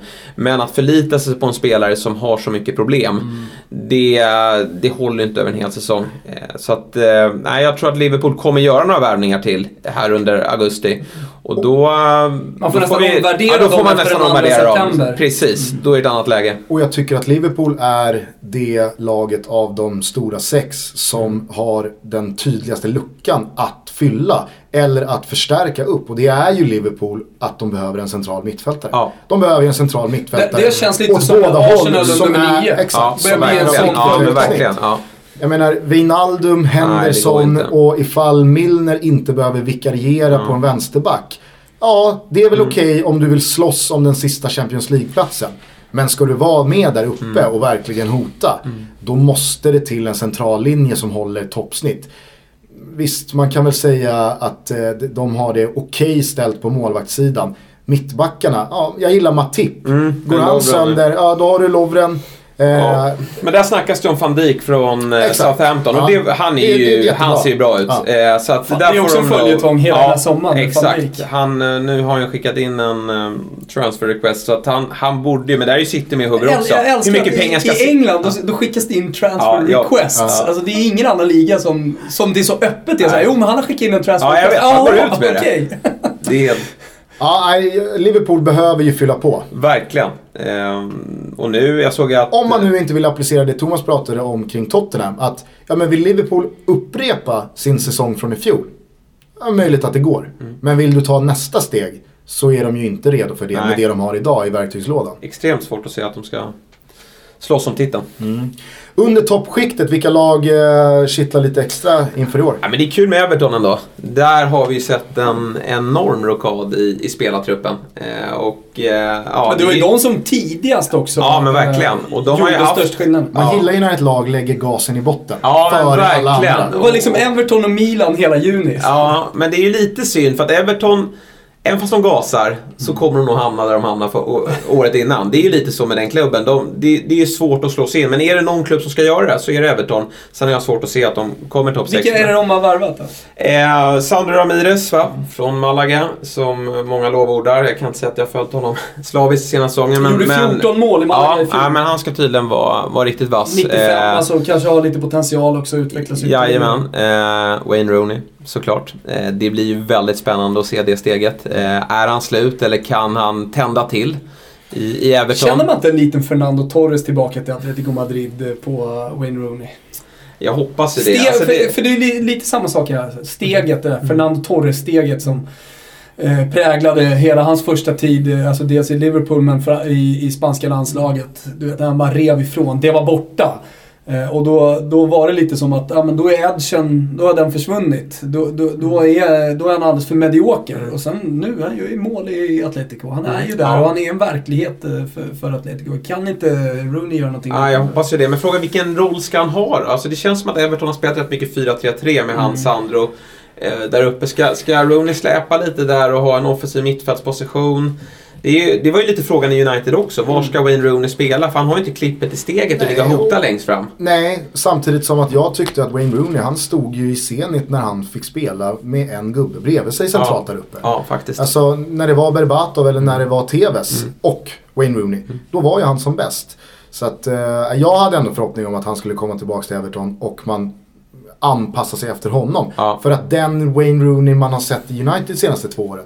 Kan man ju ställa sig frågan till va- varför vill Everton Ja, ha honom? Jo, men samtidigt måste man säga att det behöver absolut inte vara den Wayne Rooney som nu spelar i Everton. Nej, absolut så är det. Men jag tror att Wayne Rooney, han är som bäst när han får vara Men det hedrar honom ändå. Det har ju snackats om Kina under en längre tid och helt sjuka summor. Men ändå att han tar det här steget till, och menar, det kommer inte vara Europaspel. Det kommer, jo, Europa League blir det väl. Ja. Men, men det kommer inte vara den största scenen och det kommer inte... Jag var ju inne på att han bara skulle gå in på puben. Ja. Och sätta sig ner och lägga av. Jag är färdig. Ja, jag är färdig. Ja, Den dagen kommer Gugge. Nej, men jag tycker Ta sen... upp boxningskarriären igen. alltså, när han gjorde målet som gjorde honom till Manchester Uniteds mesta målskytt genom tiderna. Ja. Efter det har inte Wayne Rooney gjort en enda bra prestation. nej. För jag tror att han, han har, vad har han? Åtta Premier League-titlar. Ja. Han har vunnit Champions League, han har vunnit FA-cupen, han, har, han är mesta målskytt i landslaget. Vad motiverar honom? Nej, det är... Jo, men det är väl lite det som jag är inne på. Alltså, det här skulle kunna motivera Ja, honom. komma hem. Ja. Visa liksom vad jag, att jag fortfarande kan. Men Han- Ramirez, han är ju- Rooney. Ja, sen har du ju klassen från eh, Ajax. Ajax. Det som känns eh, däremot är att Evertons insida har ju känts väldigt bra tills man nu inser att Lukaku redan har försvunnit och att det mesta ändå talar för att Barkley lämnar. Ja. Då är det ju deras två bästa spelare som försvinner. Absolut. Eh, men eh, Men sen har man faktiskt förstärkt försvaret. Michael Keane från Burnley. Där var det ju många som... Många trodde att United skulle klippa honom men då tog man ju eh, Nilsson Lindelöf istället. Och han är ju många förtjusta i England. Man hoppas ju att han kanske till och med ska ta nästa steg och, och slå sig in i ett engelskt landslag. Och sen har man ju i mål Jordan Pickford. Som var fruktansvärt bra i Sunderland i fjol. Eh, och där tror jag man har jackat upp på målvaktspositionen och sen är det väl bara, därefter också. det är Ja, så är det ju. Så är det en, ju. Svindyr. en tidsfråga också innan Gylfi Sigurdsson anländer från Swansea. Exakt. Det är, det är en kanonvärvning. Mm. Så att, eh, ja, Everton blir, men återigen då. Det, jag har svårt att se dem ta steget. Men, men kanske att man kan utmana då Everton, nej, Liverpool om att bli bäst i stan. Ja. Ja, det blir spännande. Eh, något annat lag som kittlar lite extra. Jag tycker att West Ham har gjort en jävla fin sommar.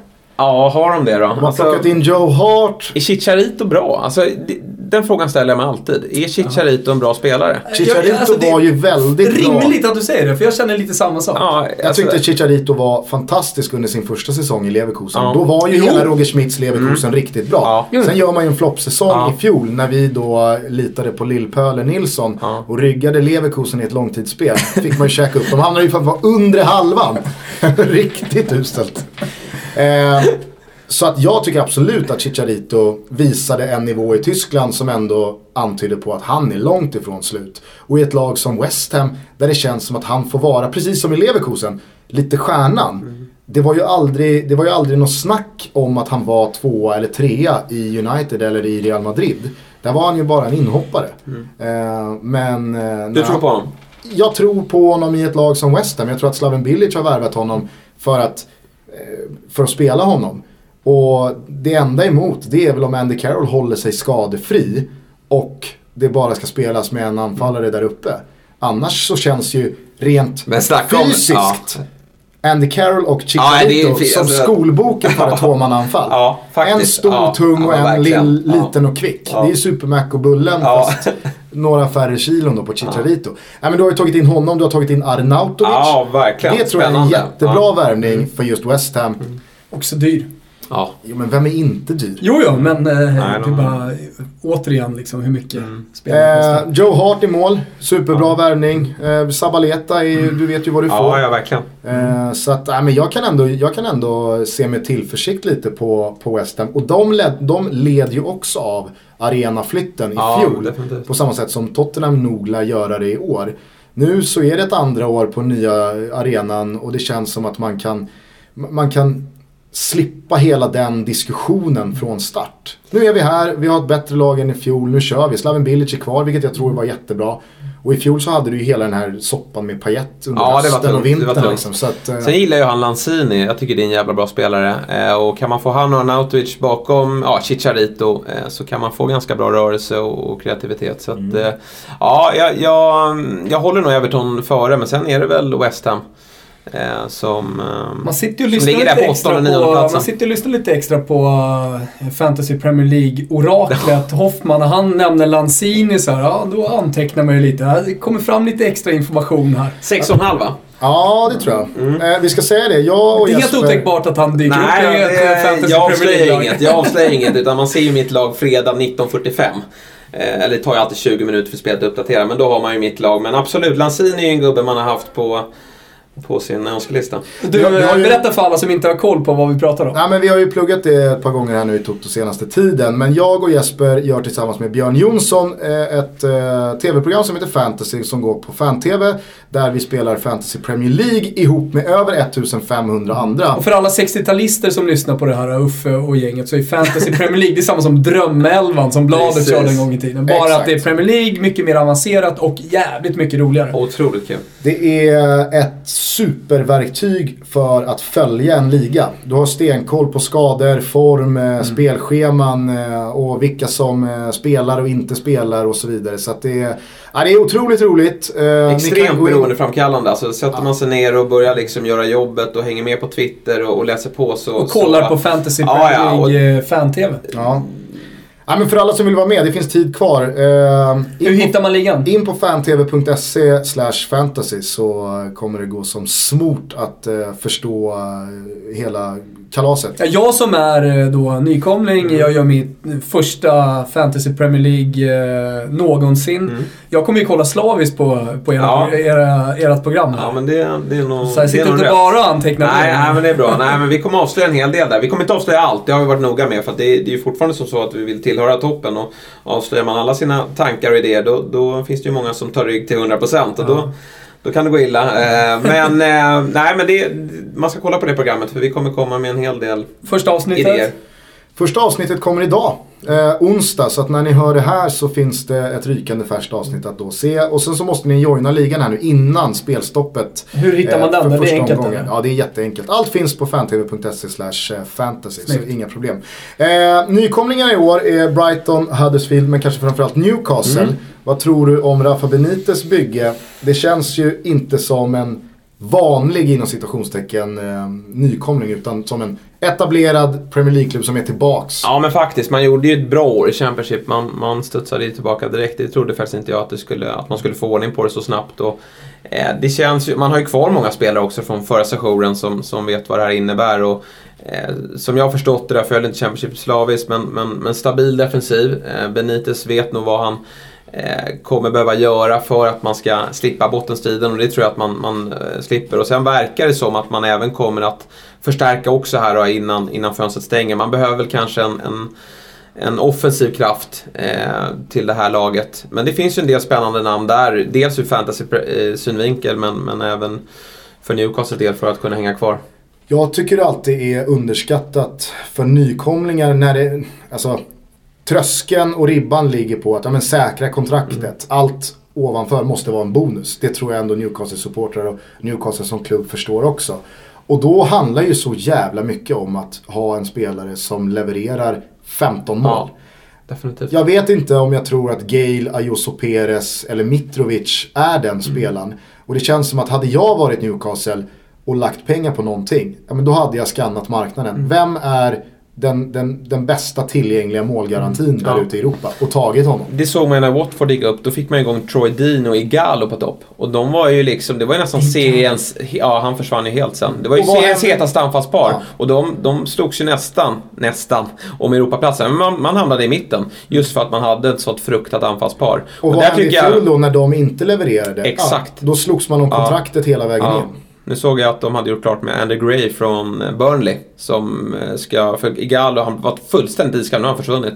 Eh, Men, så nu har man hittat ett nytt anfallspar som bör funka ganska bra. Men där är väl lite frågetecken då för Newcastle med De har ju dels Mitrovic och sen har de Gale va? Mm, och. Ayuso Perez. Ja just det, Ayuso Perez. Så att, och det... mm, Ayuso Perez och, och Gale var väl med förra vevan också. Och Mitrovic också. Så att, och det funkade väl inte riktigt då. Så jag tror att man skulle må bra av att få in ett toppklassnamn där uppe också. Mm. Eh, något annat lag eller någon annan spelare som du bara vill eh, lyfta upp eller flagga för? Eh? Alltså, om vi ska tänka fantasy-synvinkel så tycker nej, jag... jag, nu, nej, Är nej. det, nu är det, nu är det Toto Nu är Balutto-synvinkel. det Toto Balutto. En Premier det- League-säsong står för Ja, dörren. men det blir intressant att se. Alltså, jag blev ju äntligen av med mitt Sunderland. Det har ju varit ett hatlag länge. Alltså, alltså, Man vet äh, att det är ett hatlag när det är mitt Sunderland. Ja, men det är verkligen så. Jag, jag, jag, jag håller inte på något lag, men jag hatar lag. Eh, och eh, Sunderland har ju varit... Det sådana. väldigt skönt. Jag brukar bli av med dem. Aston Villa var lite samma sak. Jag var så trött på uh, Agon Lahore där på slutet och, och såg nu att han gjorde mål i premiären så jag förstår inte att de inte har blivit av med honom. Och i år så blev vi av med eh, Sunderland och Sebastian Larssons viftande på kanten. Och i år hoppas jag lite... Jag, jag, jag höjer ett varningens finger. Jag tror Stoke kan få det jobbigt i år alltså. Ja. ja, det tror jag också. De har tappat ganska bra Arnautovic. namn. Man, Arnautovic och, och alltså Glenn Whelan var väl ingen fantastisk spelare men mycket karaktärsspelare för det där laget har försvunnit bort. Eh, Walters som Gustens favoritgubbe, han var väl inte fantastisk i fjol. Men jag tror Men det var ju blir- den stommen av Stoke som ändå byggde Tony Exakt. Pulis och Ja. sen eh, Hughes. Mark Hughes eh, Mm. framgångserat. Visst, du kunde krydda med Arnautovic eh, eller eh, andra spelare utifrån. Men du hade Begovic i mål, du hade Shawcross i mittlåset, Ja. du hade Glenn Whelan, du hade Charlie Adam Ja. och John Walters Ja. Mm. som någon slags garant för att vi är fortfarande Stoke. Vi vet vad som krävs för att överleva. Eh, Så att, nej, där håller jag med. Jag tror att... eh, jag Man sitter tror ju fortfarande och jag tror att. Peter Crouch kommer liksom, han kommer starta där uppe och det, det är deras hopp om vi talar anfallsspelare som håller klubbar kvar. Jag tror Stoke kan få det eh, riktigt jobbigt och det, jag tror de mår bra av, ett, av, ett, av några år off helt enkelt. Leicester? Ja, eh, Leicester, eh, det blir intressant här. Hur, hur bra är den där tränaren? Kom han, Shakespeare, kom han in bara och liksom, liksom vädrade i omklädningsrummet och, liksom. och att de var trötta på Ranieri eller är det en bra tränare? Det, det är upp till bevis för honom. Eh, sen eh, har de ju tagit in Ian Acho här nu från eh, Manchester City. Som fick ju väldigt lite speltid i City men när han väl spelade gjorde han ju en jäkla massa mål. Och eh, vi får väl se vad som händer med Mares. Ja, Han det är ju ändå en, eh, en nyckelsituation Ja, det- för, för Leicester. Verkligen. Vi, vi pratade väl om det att fjolåret, det, jag tror att han är... Året innan var ju helt makalös, året Leicester vann. Och jag tror att den nivån ska man nog inte förvänta sig av Mahrez igen. Eh, fjolåret var ju lite mer hans rätta, ja. Men jag tror ändå han har ytterligare en nivå ifrån det. Jag tror att han kan vara bättre och producera mer poäng. Eh, så vi får väl se om, om Leicester behåller honom, har Vardy, eh, Iheanacho, då har man ju en del offensivt spännande namn. Men, eh, så det är en nyckel, eh, nyckelfråga för dem. Det blir kul att se Ianacho. Ja, Där det alltid refererades till hans målsnitt per Ja. minut. men... Och Ja. avslut mot mål. Ja, Lite som med Morata. Ja, men eh, alltså. Ianacho var ju så här, kolla killen har skjutit 11 skott mot mål och Ja. gjort 9 mål. Han är fantastisk, han gör mål var... Mm. Ja, men han fick ju ofta spela då.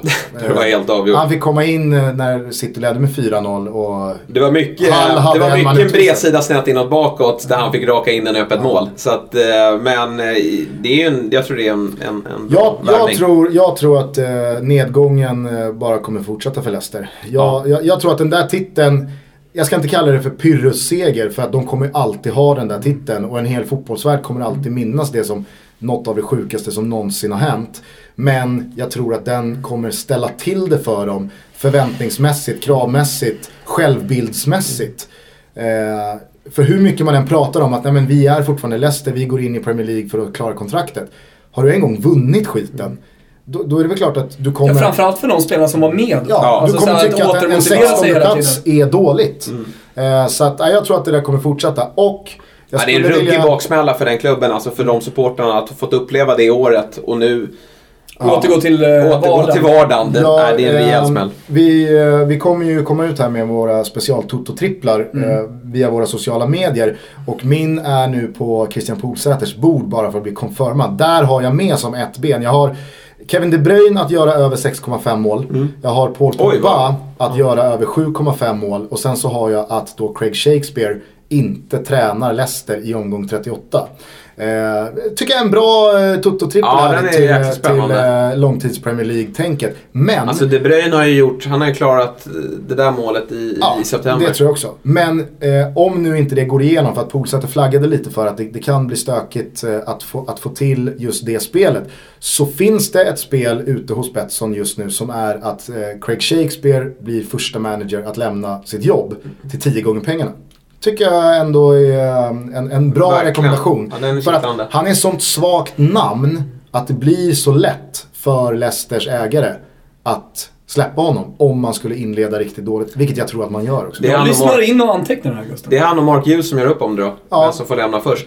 Eh, läs, Han var ju inte ens tilltänkt att Nej. eh, gå in i den här säsongen som tränare. Nej, precis. Men det gick tillräckligt bra för att ja, men vi kör på med, Mm. med, med Shakespeare. Men det där är en tränare, nej, han tränar inte Leicester. Nej, om, nej om ett jag, jag håller med dig där. Och sen eh, kommer de splittra nu äntligen på Hutt och och Morgan. Det, alltså det måste ju vara dags för det. Nu har man ju tagit in Harry Maguire från, eh, från Hull. Och det var en, nu, kan ni, nu kan ni verkligen anteckna. Det här är en personlig favorit. Och en kille som, nu har Leicester ett tufft schema här i början. Men han bör vara, bör vara med i era Fantasy Premier League-lag. Av den anledningen att det finns ingen spelare som är så farlig på fasta som Harry Maguire. Det fanns statistik på det. De är ju experter på det nu, de här olika fantasy-sidorna i, som finns på Twitter. Eh, där tog man fram att han är alltid uppe och nosar på, på hörnorna. Kanske, är att jag kan inte stava till honom så det kommer, jag kommer Nej, inte får- honom. Men jag får gå in på, man kan gå in på lagsidan och hitta honom. Ja. eh, inte alls ur ett fantasy-perspektiv, men jag Då är det inte Morgan utan Maguire. jag tror att det här, det här kan bli en säsong där Amartey, eh, gamla Djurgårdsspelaren, Ja. slussas in och tar en ordinarie tröja. Det tror jag också. Så att, eh, är, är det, han sitter nog ganska bra på det truppdemografiskt Mm. för att komma in och göra en av de där platserna till sin. För jag ser inte hur Leicester ska kunna försvara utåt att ja, vi tuffar på med West Morgan och Hutt och, och Drinkwater och Green. ja, det, det är över. Ja, det är alltså över. det är över. Det, det, är, nej, det är sjukt eh, hur man bara håller fast vid det som varit. Så att Shakespeare kommer skickas åt helvete. Ja, tio gånger pengarna, den, den, den tar vi nog rygg på faktiskt. Ja. Eh, fan vad kul att du kom hit. Ja, men riktigt kul att vara här. Jag tänkte att vi kunde bara avsluta med, eftersom vi har, nu, nu har vi pratat mycket om eh, eh, lag som vi kanske inte tror så mycket på och sen lag som vi tror på. Hur ser en, hur ser en toppstrid ut? Hur ser topp 4 ut när vi summerar i maj inför VM 2018 i, i Ryssland? Alltså vilka, vilka är det som, som landar där och i vilka, var positionerar de sig? Jag skulle nog säga att de sista tre veckorna av fönstret kommer avgöra fjärdeplatsen. Jag är tämligen säker på att det kommer handla om City, Chelsea och United. Topp tre. Jag tror att United är bättre än vad, vad jag och många andra tror. Då säger jag att Arsenal gör en av sina bästa ligasäsonger på länge och kommer vara med och slåss där uppe också. Men, men att det kommer bli så otroligt jämnt, alltså hela vägen in och att det är många lag som slåss om det för första gången på Jag tror inte att Arsenal kommer hantera situationen med Özil och Ja, Alexis den är, utan den att är det jobbig, men påverkar han, dem. ja, nej, det, den kommer bli jobbig. Det, det är nästan så att är skick eller Och det, man, och, och det man vet också är att eh, blir du av med en av de spelarna Mm. så kommer inte Arsenal kunna ersätta den eller de spelarna som lämnar med en likvärdig.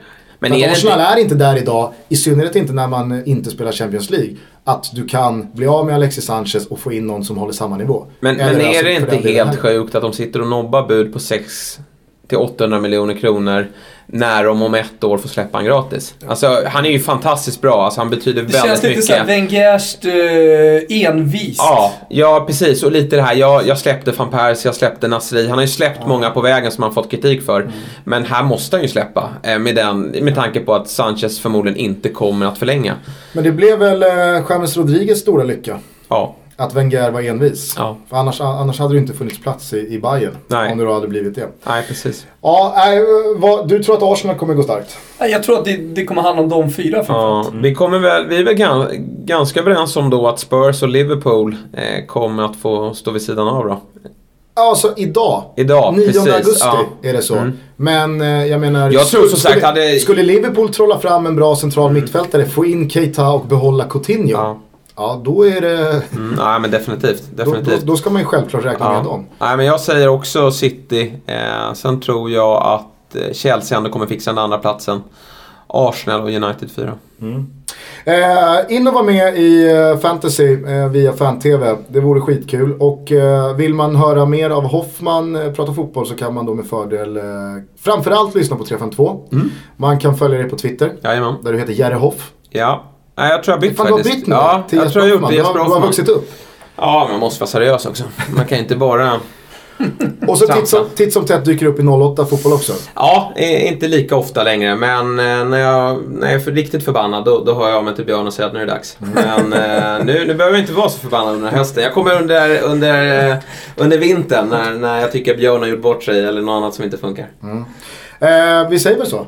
Ja, vi säger så. Och eh, missa heller inte att vi har Frida Nordstrand med oss på måndag. Trevlig gäst. Eh, som Verkligen. också kickar igång lite den här säsongen. Om måste ju vara, det är ju en drömgäst. Det ska bli kul att höra hennes stories från, Jaha, där måste det från finnas katakomberna. Ja. Eh, jag, hon är, jag tycker hon är fantastiskt bra. Ja.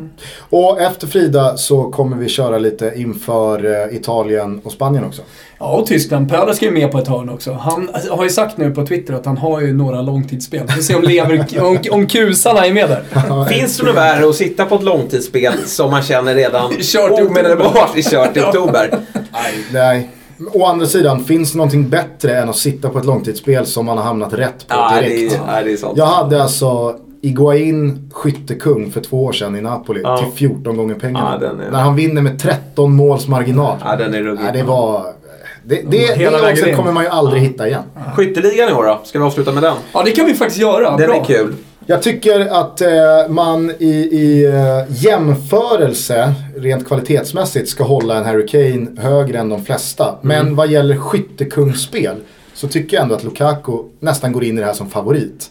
Han kommer spela de matcherna han kan.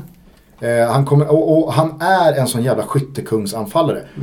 Lukaku har ju minst tre hattrick i sig. Han är ju en sån här spelare som två gånger per år, då gör han fyra eller fem mål i en match. ja. Han, han bara liksom psykar ur. Eh, jag tror att hans, eh, hans, gjorde han 24 mål i fjol? Ja, det var något sånt. 24-25 mål. Jag tror inte han gjorde de målen på fler än 10-11 matcher. Nej. För att när han väl gör mål, då gör han två eller tre. Ja. Eh, och i ett United som jag tror kommer bli bättre på att städa av de sämre lagen med de spelarna man har fått in här nu. Så tror jag att Lukaku kommer vara med och peta in ganska många kassar. Så jag säger Lukaku. Jag tror det blir eh, Agüeros revansch i år. Eh, slipper han skadorna. Det är alltid eh, skadorna som ställer till det för honom. Det är alltid någon baksida som brukar ryka det runt, runt det täta spelschemat. Men eh, så som City formerar laget och, och så gärna som Pep vill gå för den här titeln så kommer Agüero matcha svårt i ligan och då tror jag att det blir en, en skön revansch för honom. Ja, jag tar eh, dumstruten i armkrok här eh, med, med, risk, eh, med risk för att sitta där i maj återigen då och tro på ett lag som, som inte har levererat de senaste åren. Men jag tror att Lacazette kommer göra det otroligt bra i Arsenal. Eh, och som sagt, En jävel på den- straffar sägs det ju. Hjälp och straffar. eh, Men, men han, han, jag tror att han är bättre än många tror också. I och med att det, det kanske inte var första valet för Arsenal och- så här att många, många kanske inte riktigt tror på honom. Eh, Sen ska jag säga att ingen av oss nämner Kane. Alltså att ingen av oss säger att Kane kommer Nej, Dubbelskytteligavinnare, har, har gjort över 20 mål, Det är alltid tre kul att välja, det är alltid kul, ja men det är alltid kul att välja Ja, man kan någon- inte säga det är för tråkigt att, att säga Ah. samma. Säga och säga Agüero.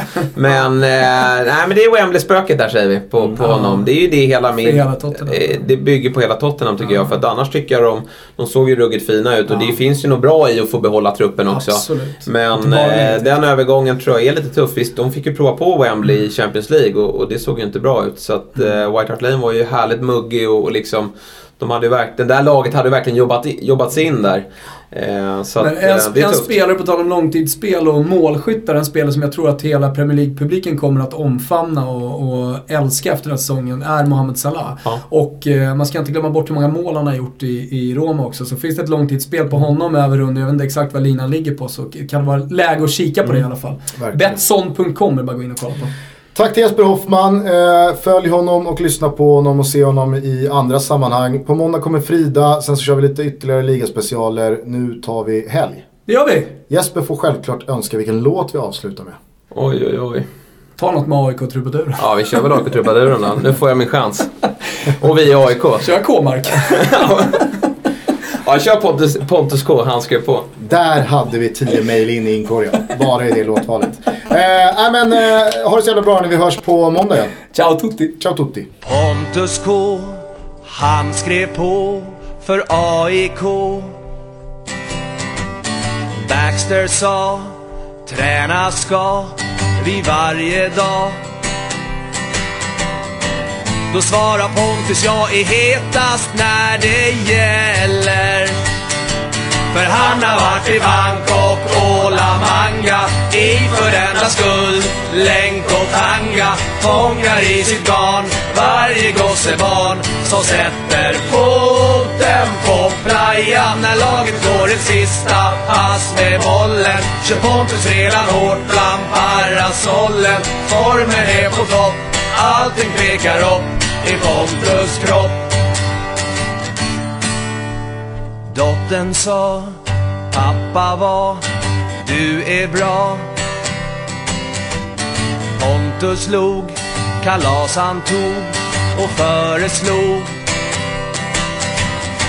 För alla vet ju att Pontus han är barnkär. För han har varit i Bangkok och La Manga. I för denna skull länk och tanga fångar i sitt garn varje gossebarn som sätter foten på playan när laget går ett sista pass med bollen. Kör Pontus redan hårt bland parasollen. Formen är på topp allting pekar upp i Pontus kropp. Ja, han har varit i Bangkok och La Manga. Inför enda skull länk och tanga. Fångar i sitt garn varje gossebarn som sätter foten på playan när laget går ett sista pass med bollen. Kör Pontus redan hårt bland parasollen. Formen är på topp allting pekar upp i Pontus kropp. Formen är på topp, allting pekar upp i Pontus kropp.